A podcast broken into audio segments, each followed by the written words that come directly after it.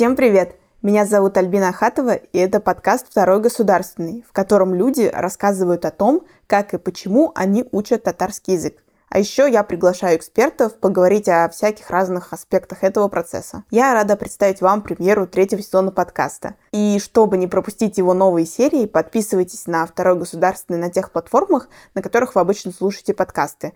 И там же можно поставить оценку и отзыв. Так алгоритмы помогут найти подкаст другим слушателям. Ну и мне тоже будет приятно. Сегодня о своем опыте изучения татарского языка расскажет студент-филолог Московского государственного университета Леша, куратор турецкого лицея Рауф и Энже Дусаева, культуролог, автор проекта «Мир татарской женщины», соучредительница Института городских исследований Тамха и преподавательница итальянского языка и культуры. Меня зовут Лёша, и с татарским языком я связан очень просто. Мои бабушка и дедушка по женской линии татары. Каждое лето детства я проводил в татарской деревне Нижегородской области. Там среди других татар как-то получалось находиться в такой среде, что вот я являюсь представителем Мишарей, я узнал сам, когда посмотрел карту диалектов.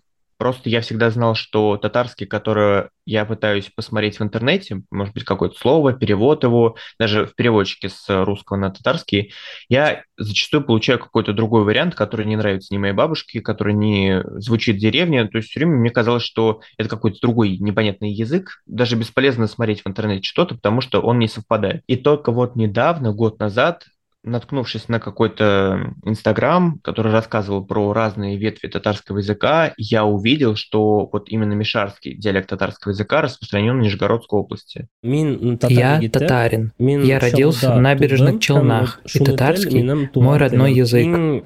Дома и с друзьями я говорю на русском. Но мои родители всегда говорили на татарском.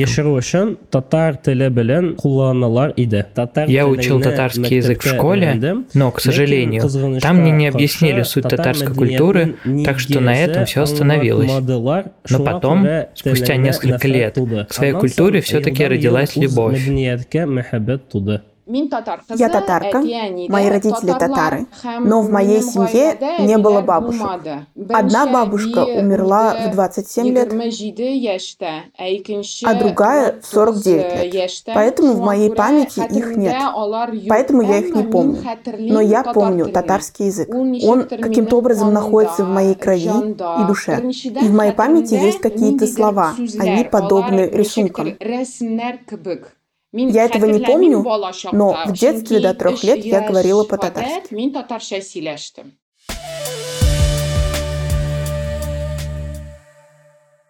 У нас был учитель вот до девятого класса, который по грамматике грузил очень сильно. И я прям не любил. А потом в 10-11 классе я договорился, чтобы меня перевели в русскую группу. То есть там были те, кто вообще не шарит. И я был такой, а меня как татарина постоянно закидывали в татарскую. А я там не в зуб ногой абсолютно. И для меня это было тяжело. Вот, я там всегда был троечником, всю жизнь по татарскому языку. Вот у меня там единственные тройки — это татарский и татарская литература. А в русской группе изучали культуру. Мы изучали сказки, мы изучали какие-то прикольные, интересные там новости, песни какие-то. И вот это помогло. То есть как бы не было какого-то давления, не было какого-то вот надо вот это, там сингармонин, туда-сюда. И я расслабился, и реально вот тогда вот проявился интерес. Я помню, как мама рассказывала, что когда я пошла в детский садик, целую неделю я говорила там по-татарски. Но я этого не помню. Но зато помню, как с одной воспитательницей я говорила по-татарски.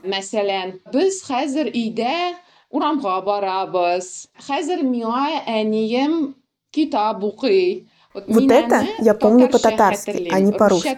Сейчас я понимаю, что это было очень странно. И такие дети мне не нравятся. Ведь это странно, что ты приходишь, такая маленькая-маленькая, и даешь мне совет, как мы делаем дома, и почему мы дома так не делаем. Мама рассказывала, что в детском садике меня любили, и таким образом эта воспитательница помогла мне войти в русскоязычный мир.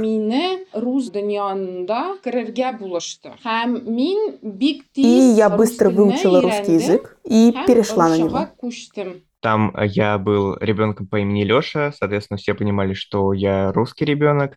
И со мной разговаривали только на русском. На татарский переходили очень редко, только если это были какие-то бабушки, которые не знали русский язык или очень редко его использовали, но, соответственно, я их не понимал, а они меня не понимали. Вообще у меня в семье все разговоры велись только на русском языке. Татарский язык был между бабушкой и дедушкой, но даже когда я был третьим слушающим, если они переходили на татарский язык, это значит, что они обсуждают что-то секретное, что-то тайное, что мне не нужно знать, и я всегда старался прислушаться. Естественно, я ничего не понимал, но если вот я слышал, например, слова «лан» или «малай», то я понимал, что речь про меня, что-то они там меня обсуждают, что-то они хотят вот скрыть от меня. В советское время татарский язык был языком секретов. Если нужно что-то сказать, чтобы никто не понял, особенно ребенок, и поэтому переходит на татарский. Я тоже так делала с мамой. И однажды мой муж что-то у нас спросил, так ли это будет на русском. Мы так переглянулись и спросили, Максим, а ты понимаешь? Но вот именно когда там мама с папой что-то хотели от нас скрыть с сестрой, они вот переходили на татарский, какие-то, не знаю, первые слова, это именно какие-то секреты от нас, мне пришлось выучить. Типа, ахша, юг, вот такие вот слова я с детства понимал, что происходит в семье. Это было интересно. С детства изначально все разговоры велись на русском языке. Мама, она еще меньше слов знает на татарском языке, еще меньше его использовала, потому что не та, с детства та же ситуация, что мало она как-то была в языковой среде. Но у меня даже не было татарских друзей именно в Москве. То есть все, что связано с татарским, это было в деревне летом, когда я приезжал, возвращался в Москву, все, я снова становился полностью русским ребенком. Вот в той же деревне у меня подружка, она знала татарский язык, но не могла на нем говорить. То есть, например, ее бабушка с ней разговаривала, она ее понимала, могла ей ответить на русском, и, например, даже если эта бабушка что-то говорила, они могли между собой что-то поговорить, опять же, меня там, например, обсудить или еще что-то такое. Я ничего не понимал, она понимала. Я чувствовал, что я нахожусь в каком-то уязвимом положении, и мне все время хотелось это исправить. Но, будучи ребенком, я не знал, как это сделать. Я уже находился не в таком бессознательном возрасте, когда я мог слушать, запоминать, как-то понимать. Мне, приход... наверное, скорее всего, нужно было уже учить именно. Но научить меня никто не мог и не хотел, и, наверное, я я и сам недостаточно просил. Сейчас, когда я спрашиваю у мамы, почему мы забыли татарский язык и не говорили на нем дома в моем детстве, она отвечает, что с одной стороны папа наполовину мишар, и казанские татары говорят, что мишарский диалект, он другой. Он не такой мягкий, он не подобен течению реки. Он не похож на землю. Он другой. И поэтому мишары говорят, что казанский диалект – это другой татарский язык. И я помню, как папа говорил с этим диалектом. Мне кажется, эта ситуация показывает, что и татары разобщены и не воспринимают себя как большую семью. И поэтому возникает такое, что ты неправильно говоришь, ты говоришь странно, ты не из нашей деревни, ты не можешь красиво и правильно говорить по-татарски. И поэтому мама говорила, что хотела дать нам хорошие знания. И поэтому она решила, что нам нужно много русского языка, и записала нас в английскую школу именно в ту, которую окончила сама. Сейчас я считаю, что два языка – это лучше, чем один.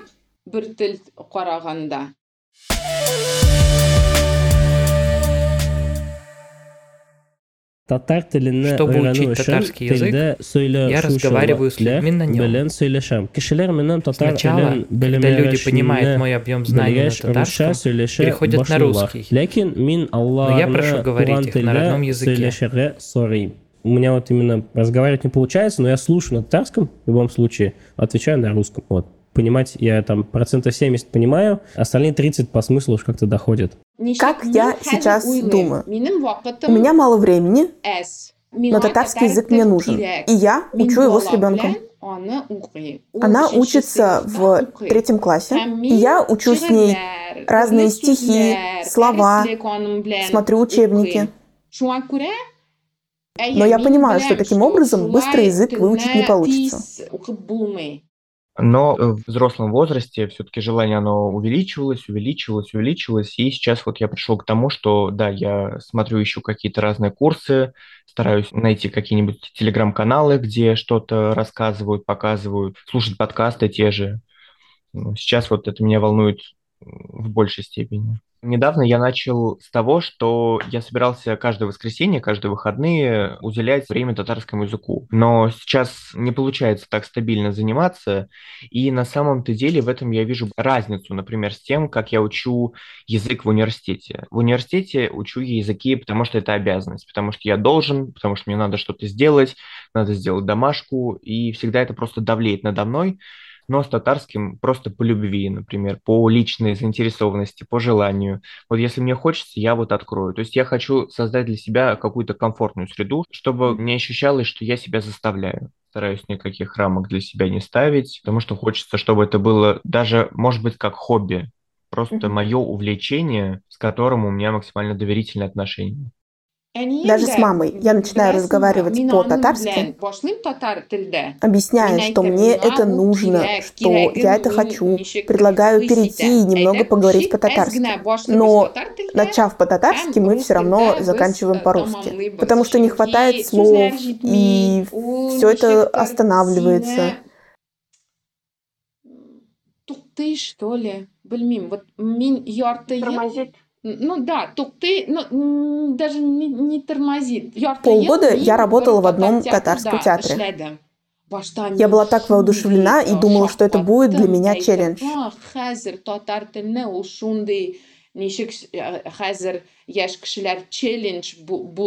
Я никогда не работала в театре, потому что я считаю себя человеком науки. Никогда бы не подумала, что потом меня станут называть творческим человеком. Но я себя всегда чувствую как человек науки. Придя в театр, я была очень вдохновлена.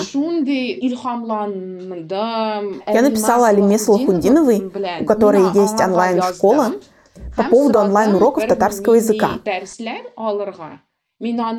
Она училась у меня на факультете истории в университете. Я взяла 10 уроков у учительницы из ее академии, я занималась в 6 утра потому что у меня не было времени. Мне очень понравилась моя учительница. Она поэтесса.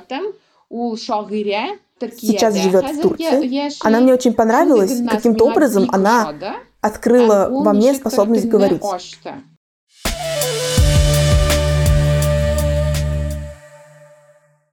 Пока на самом деле не сильно получается. У меня есть знакомая, которая мне как раз кинула ваш пост про подкаст. И я к ней обращался, когда у меня что-то была этот мысль начать изучать татарский, но я дальше, дальше мысли это не ушло. Я сильно на себя не давил в этом плане, чтобы резко от этого потом не отказаться. Оно на уровне желание есть, но каких-то сильных действий я не предпринимаю. То есть, как бы она не стоит как приоритетная задача. Возможно, это тоже, типа, не очень правильно, но вот как есть. То есть, она стоит как такая задача очень, ну, на фоновом режиме, если я слышу, если я, как бы, чувствую, я делаю. А так, чтобы прям сидеть и изучать, пока, пока до этого не дошел. Еще впереди все, надеюсь. И после этих уроков я поняла, что я не боюсь. Но я боюсь. Потому что, например, когда в Италии ты говоришь «чао», и тебе все говорят, как ты красиво говоришь, какая красивая фонетика, как все красиво, где ты так красиво выучилась говорить, как долго ты говоришь на итальянском языке.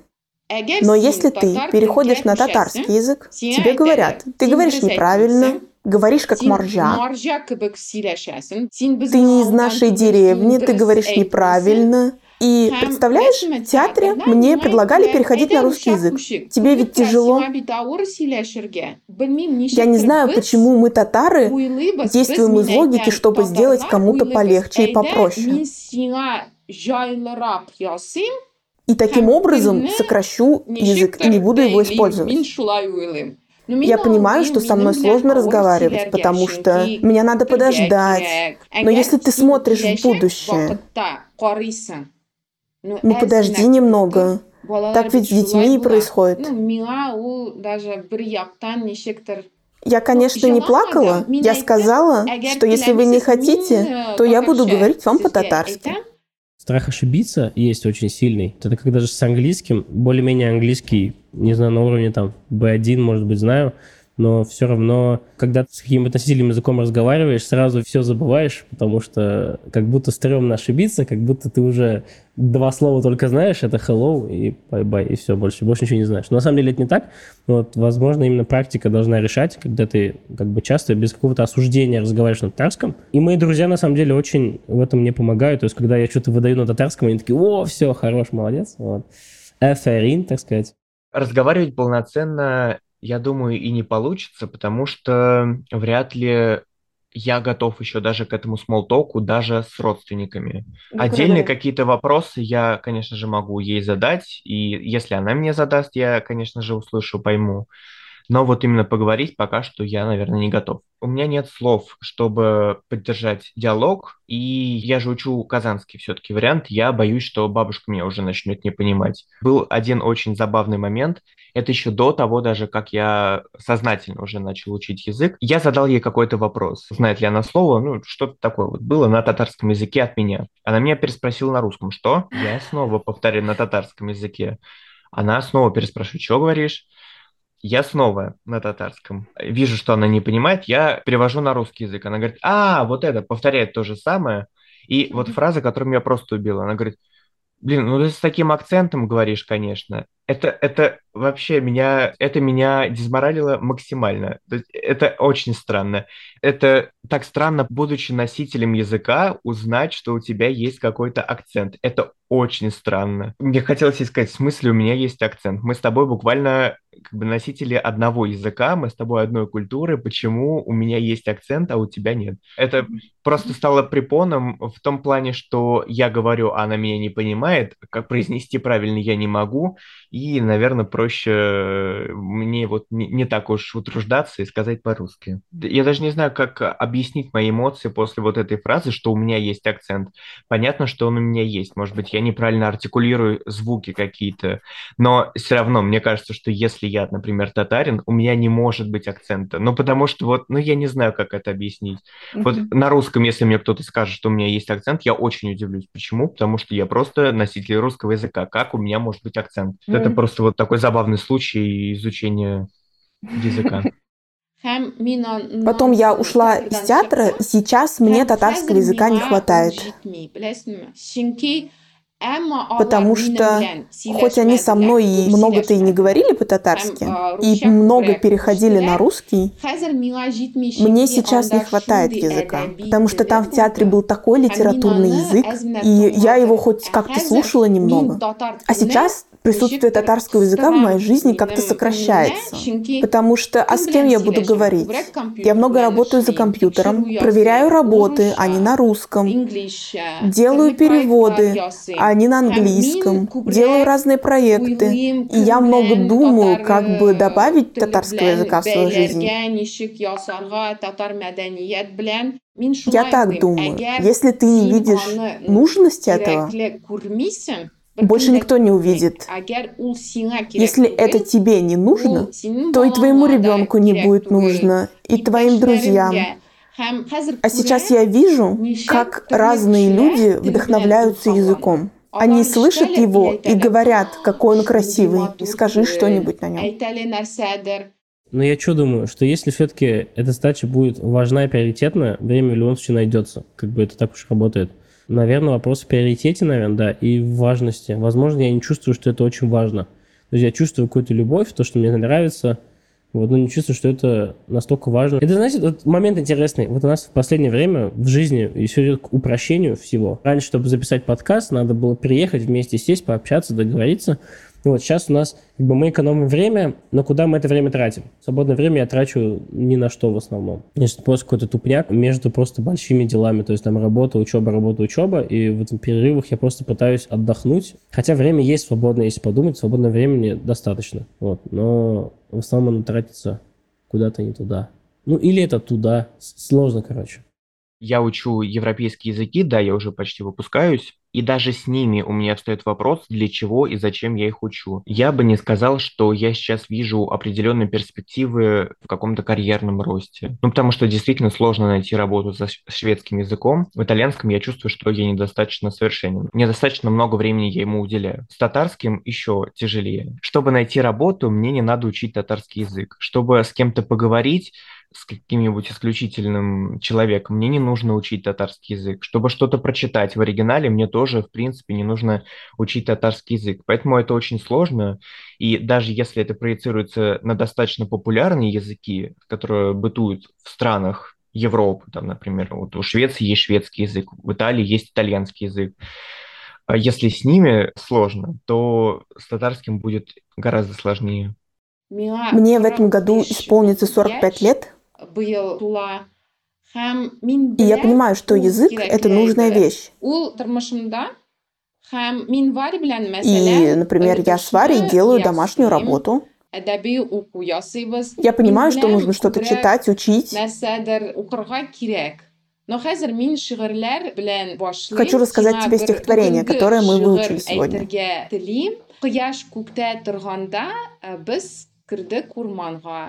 Урман безне кумады, biz аның кунагы, җиләк белән сайлады, шатлык эшкә сыймады.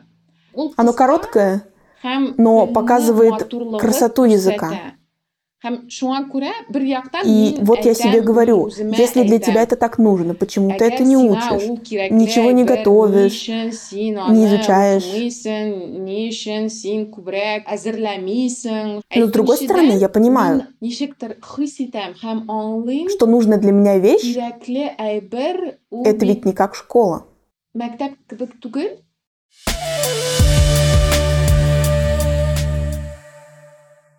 И как вот это понимание не останавливает тебя от изучения татарского языка? Потому что ты учишь язык и понимаешь, что в какой-то степени ты это делаешь, ну, в холостую. Что в этом месте помогает тебе не забросить? Скорее всего, просто личная мотивация. Мое соотношение себя с татарской культурой, желание как-то продолжить язык. Потому что я понимаю, что вот сейчас на мне, скорее всего, вот я последний человек, например, в семье, у которого есть еще шанс продолжить что-нибудь транслировать дальше. Или даже, может быть, у меня не получится это продолжить, но как минимум все-таки вобрать в себя хоть что-то, у меня этот шанс есть. И поэтому, скорее всего, это меня мотивирует заинтересоваться, что-нибудь выучить, где-нибудь подсмотреть. Ну, знаешь, мне кажется просто, что для нашего поколения татар сохранить язык — это долг, как ни крути. Вот именно, что если... Мне, мне так кажется, что вот именно наше поколение, вот молодое, оно, если мы обращаемся к татарскому языку, то это только вот из-за дань уважения и желания что-то сделать, может быть, чему-то противостоять. Скорее всего, это тоже какой-то активизм. Ну вот мне так кажется, по моим наблюдениям. Я, наверное, с этим аргументом все еще согласен, что на самом деле, вот живя в Татарстане, я сильно не испытываю проблем, не знаю татарский. И это, наверное, грустно. Да, я понимаю, что...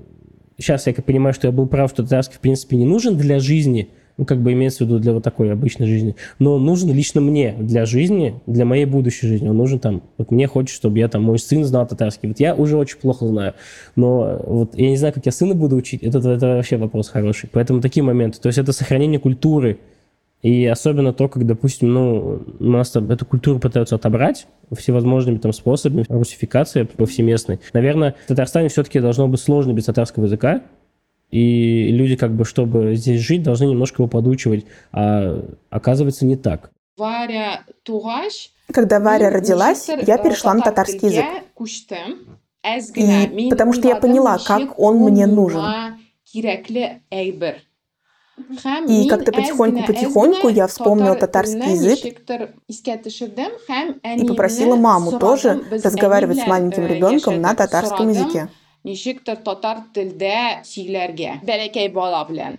Я ей сказала, я выросла без татарского языка, так давай же Варю вырастим с ним. Просто я, как, может быть, филолог, как лингвист, который интересуется языками, понимал, что сейчас очень сильно идет давление русского языка на другие языки по всей России. И меня это смущало. Меня смущало, почему языки другие исчезают.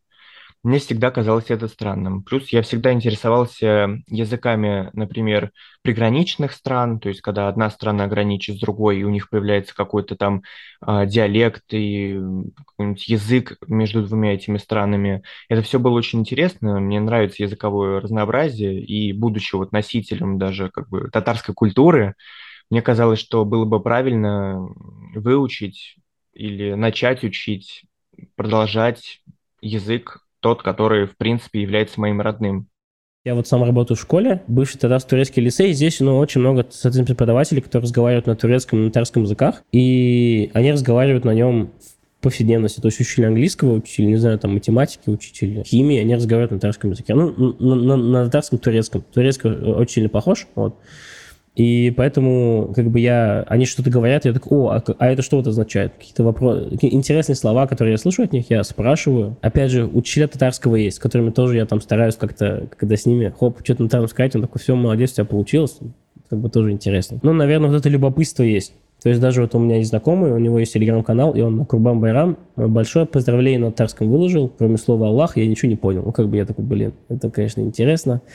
Вот. И я спрашиваю в комментариях, а как это переводится? Объясните Манкурту, пожалуйста, что вообще происходит. И вот такое любопытство помогает мне изучать татарский. И, наверное, это вот пока единственный самый сильный инструмент в моем арсенале, с помощью которого я изучаю татарский. Мне очень сильно помогали языковые активисты, которых я видел случайно. Например, в ТикТоке, если даже мне видео какое-то встречалось, и я видел, что там речь про татар или про татарский язык, я думал, о, вот это же я, это тоже я, это про меня. Это на самом деле очень помогало. Если, может быть, это было как-то редко, и я мог просто поставить лайк и забыть об этом, пропустить, то если эти видео снова попадались мне в рекомендациях, мне было приятно, что я могу почувствовать себя частью вот этого сообщества, вспомнить еще раз, что я татарин, согласиться с этим, может быть, даже какую-то шутку локальную понять, и мне было приятно, что несмотря на то, что я уже давно могу не ездить в деревню, уже не разговаривать ни с кем на татарском языке, даже в повседневной жизни не озвучивать, что я татарин, мне было приятно,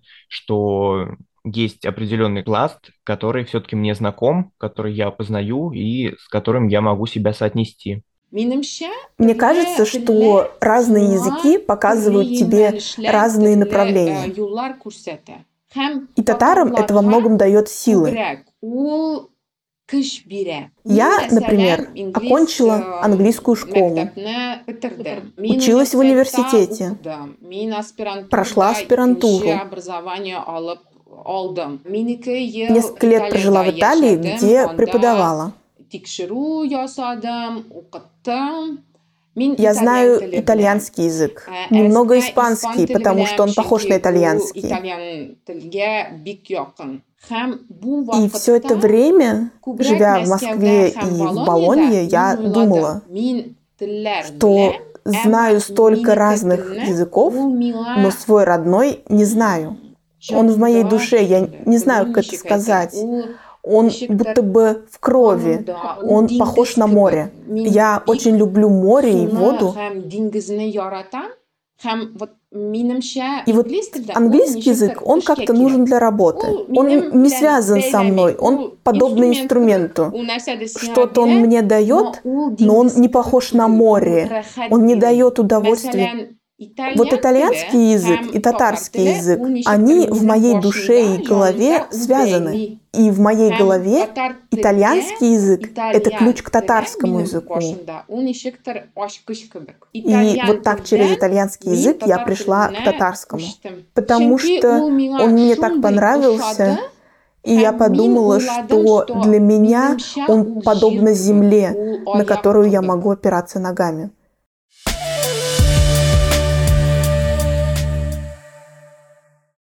Когда в Казань переехал, нашел вообще очень много активистов, которые пытаются сохранить язык, и я это видел как то, что, к сожалению, язык умирает, но есть ребята, которые пытаются сделать так, чтобы он умирал медленнее. И не знаю, насколько это правда, но у меня такая мысль была о том, что это именно так работает. Что, ну вот, все, что происходит в Казани, все вот эти мероприятия по поддержке языка, это в любом случае попытка замедлить этот процесс, но как будто он все равно происходит. И грустно ли это? Конечно, грустно. Вопрос, можем ли мы с этим что-то сделать, это хороший вопрос. Просто я, я даже не вижу стратегии, по которой, не знаю, можно ли это как-то изменить. Опять же, можно типа жестко сделать так, что все будет на татарском, но насколько эта жесткость тоже приведет к чему-то хорошему. Опять же, в том же вот Соляте все было раньше на татарском, а сейчас, э, надеюсь, меня, конечно, за это не поругают, никто не найдет. Вот. Создается видимость того, что все на татарском, по плану сохранения языка есть, а по факту нет. Даже если мы делаем жестко, допустим, в том же, ну, в самом татарском лагере в Соляте только татарский язык, Туда перестанут приезжать люди, которые не знают татарского языка. Опять же, там очень много ребят, которые, ну, такие, как я, и если все будет жестко, ну, перееду ли я в такой лагерь? Если там все настолько круто, что это все перекрывает, да, конечно. Но, с другой стороны, я ничего не понимаю, то есть я хожу и вообще ничего не понимаю. Наверное, должна быть какая-то супер любовь к языку, чтобы такая схема сработала, а ее, этой любви нету. Почему татары в школе математику или татарский язык или английский язык быстро не выучивают? Потому что осознание нужности исходит из души, а здесь оно не исходит. Потому что с тебя это все спрашивают. Самая нужная вещь, самый нужный ключ – это любовь. Если ты что-то любишь и чем-то интересуешься, оно все равно как-то входит, появляется. Ты видишь нужность этого для тебя и идешь вперед. Я очень хочу поехать в Казань. Я никогда там не был. Это мечта детства. Если я поеду в Казань в ближайшем будущем, я надеюсь, что к тому моменту я хоть какой-то разговор на татарский выучу, и я надеюсь, что я постараюсь с кем-нибудь поговорить. У меня один раз был такой момент, тогда я мог пользоваться только знаниями из детства. В Крыму я зашел в какой-то магазин татарской выпечки, может быть, что-то такое. В общем, какой-то татарский магазин. И я услышал, что там говорят по-татарски, я подумал, ну-ка, зайду-ка я что-нибудь скажу, посмотрим еще, как э, это будет. А я зашел, у нас был диалог «Здравствуйте, здравствуйте, можно мне, пожалуйста, там еще пучмак?» или что-то такое я попросил. И все. Я думал, ну, замечательно у нас получается выстраивать диалог. И все обломалось на моменте, когда меня спросили, подогреть ли?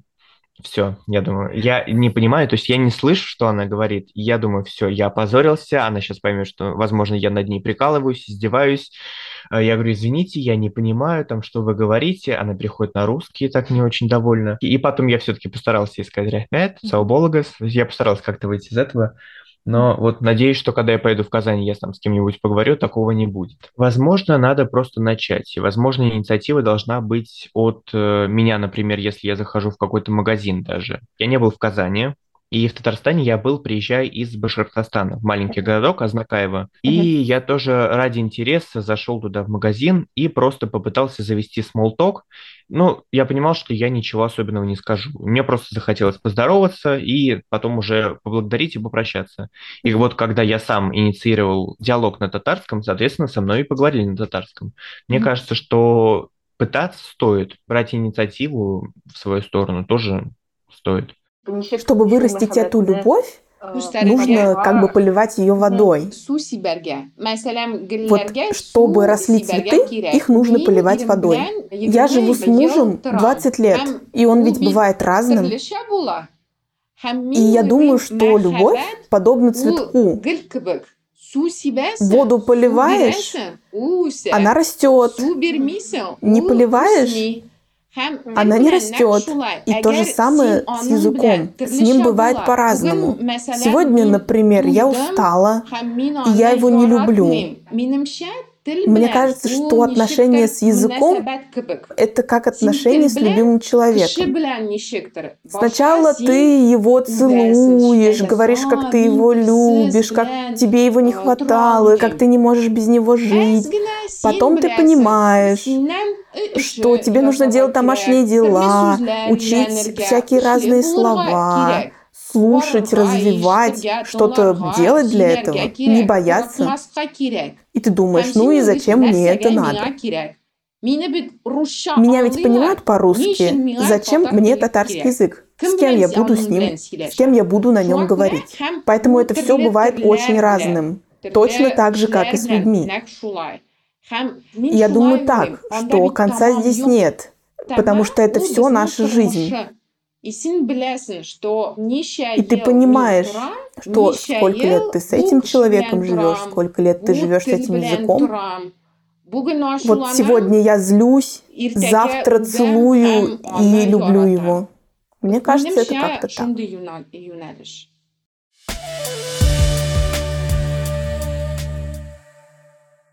На сегодня это все. Татарская версия этого выпуска выйдет на следующей неделе. Также вы можете задонатить подкасту на Boosty, чтобы помочь с оплатой озвучки и перевода. Ссылка есть в описании. Также можно оставить отзыв на Apple Podcasts или просто написать мне в соцсетях. Теплые слова и конструктивная критика тоже очень вдохновляют и помогают. Спасибо большое, что послушали этот выпуск и что слушаете мой подкаст. Надеюсь, что все это для вас полезно и важно. А пока пока-пока и до следующей недели.